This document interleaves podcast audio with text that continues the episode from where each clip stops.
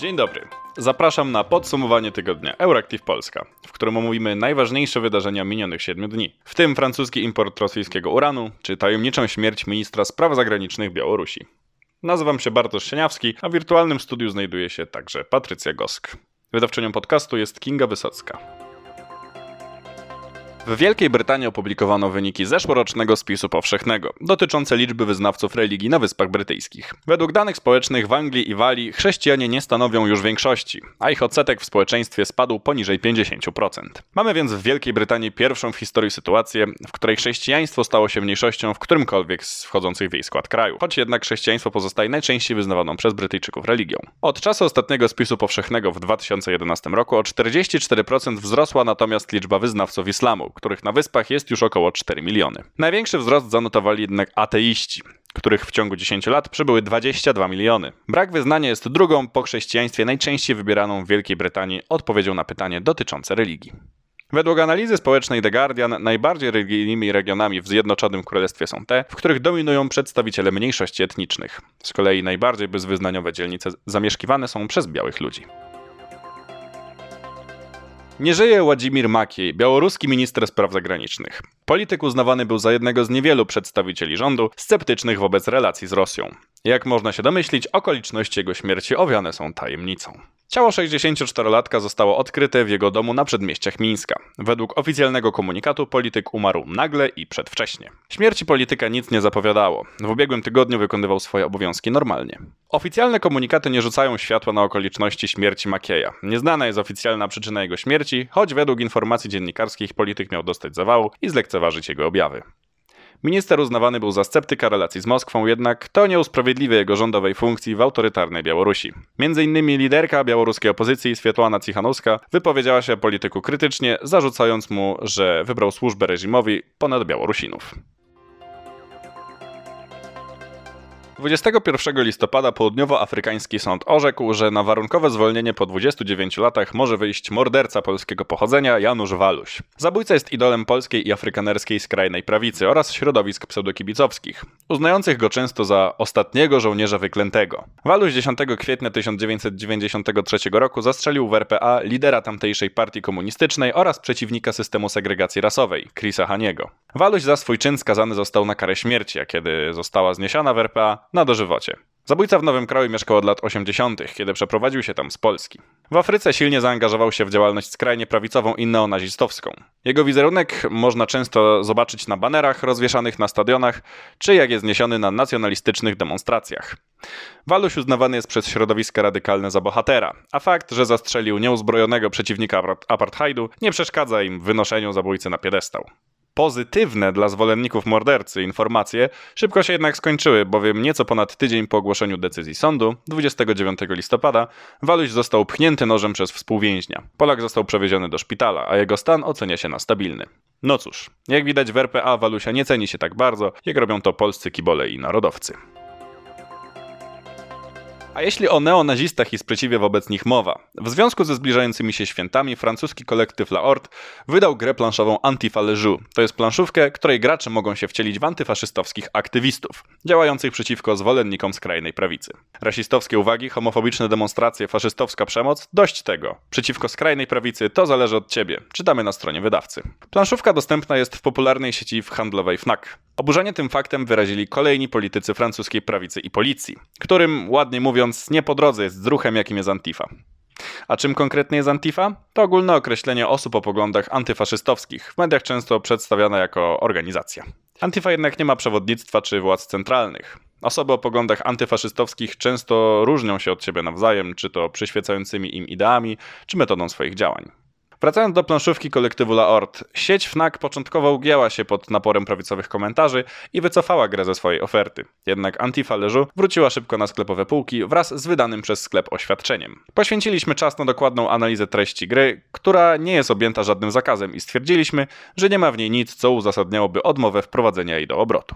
Przekazano. Antyfaszystowska gra planszowa zdołała się w związku z tym wyprzedać w całości. Na szeroko oczekiwane wznowienie jej dostaw trzeba będzie poczekać do stycznia.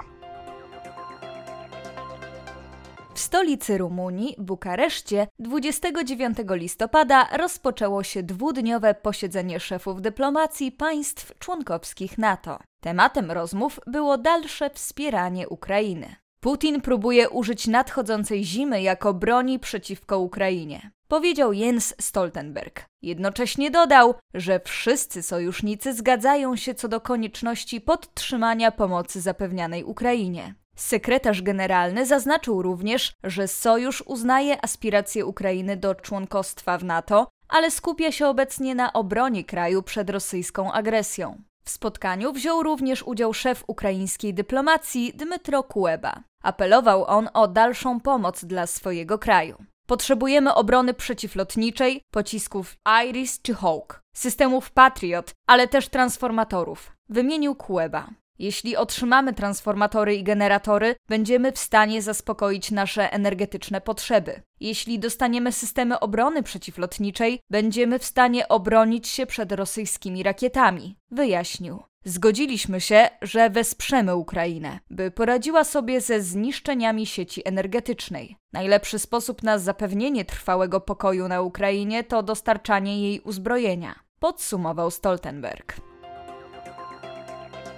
Według nowego badania opublikowanego przez Association for International Affairs Unii Europejskiej brakuje spójnego podejścia do ochrony nauki i badań przed chińskim szpiegostwem. Dzięki finansowaniu poszczególnych badaczy, Chiny mogą łatwo uzyskać wrażliwe dane i wiedzę o technologiach, które mogą być przydatne także w sektorze wojskowym. Chińskie dokumenty bardzo jasno określają obszary, którymi kraj ten interesuje się za granicą. Należą do nich sztuczna inteligencja, technologie kwantowe, układy scalone, badania kosmiczne, badania nad nowymi materiałami, neuronauką i biotechnologią, powiedziała autorka badania Iwana Karaskowa.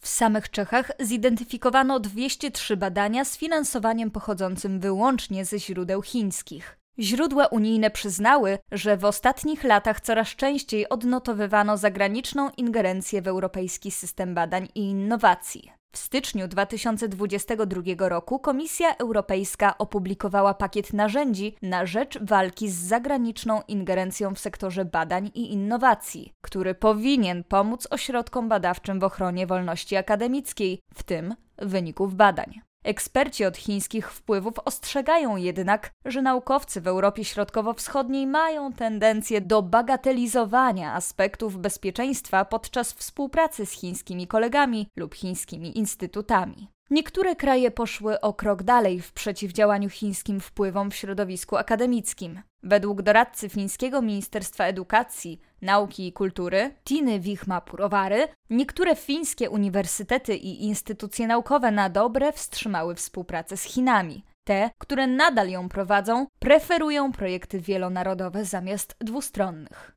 Zdaniem eksperta do spraw Chin, Oliviera Afirona, należy ustanowić mechanizm kontroli na poziomie Unii Europejskiej w celu zwalczania chińskiego szpiegostwa w sektorze badań i rozwoju. W przyszłym roku komisja uruchomi specjalną platformę w celu ułatwienia wymiany doświadczeń między zainteresowanymi stronami, co ma służyć zwiększeniu świadomości w sprawie zagranicznej ingerencji w sektor badawczy i skuteczniejszemu jej ograniczeniu. Redakcja euractiv.com dowiedziała się z unijnych źródeł, że opracowywane są również narzędzia wspierające unijne instytucje badawcze w ewaluacji ryzyka związanego z międzynarodowymi partnerstwami.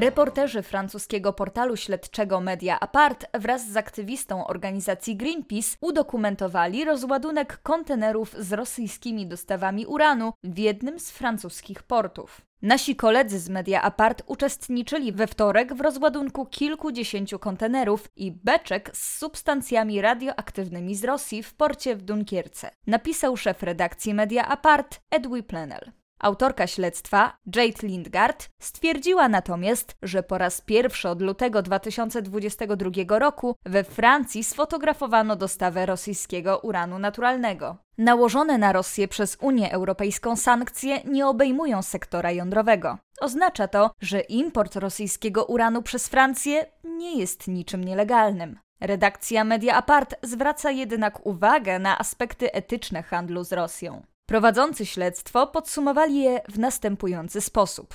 Dostawa nasuwa jednak poważne pytania etyczne. Czy można kontynuować handel uranem bądź bronią jądrową z Rosją, gdy ta prowadzi krwawą wojnę na Ukrainie? 1 grudnia o godzinie 10 w bazie lotniczej w Szawlach na Litwie rozpoczęła się ceremonia przekazania Polsce dowodzenia misją Baltic Air Policing. Wcześniej dowództwo sprawowali Węgrzy. W misji bierze udział polski kontyngent wojskowy Orlik 11, w którego skład wchodzą żołnierze z 32. Bazy Lotnictwa Taktycznego w Łasku.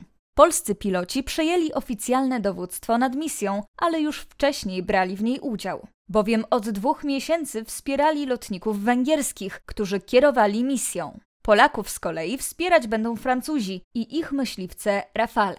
Misja Baltic Air Policing rozpoczęła się w 2004 roku, czyli od momentu wstąpienia do NATO Litwy, Łotwy i Estonii. Kraje te nie mają własnych myśliwców, wobec czego inne państwa sojuszu pomagają im chronić i patrolować ich przestrzeń powietrzną. Samoloty stacjonują w bazach na Litwie i w Estonii. Baltic Air Policing to przede wszystkim pokazanie wspólnoty sojuszu, integracji i współdziałania wszystkich państw natowskich. Misja ma charakter odstraszający i obronny, jeśli będzie taka konieczność. Mówi dowódca PKW Orlik 11 Michał Kras. To pokazanie, że żadne państwo NATO nie zostanie pozostawione samo sobie oraz, że jesteśmy gotowi do obrony każdego skrawka nieba i lądu państw sojuszu. Dodaje. To już wszystko w dzisiejszym podsumowaniu tygodnia Euractiv Polska. W imieniu całej redakcji życzę Państwu udanego weekendu. Do usłyszenia za tydzień.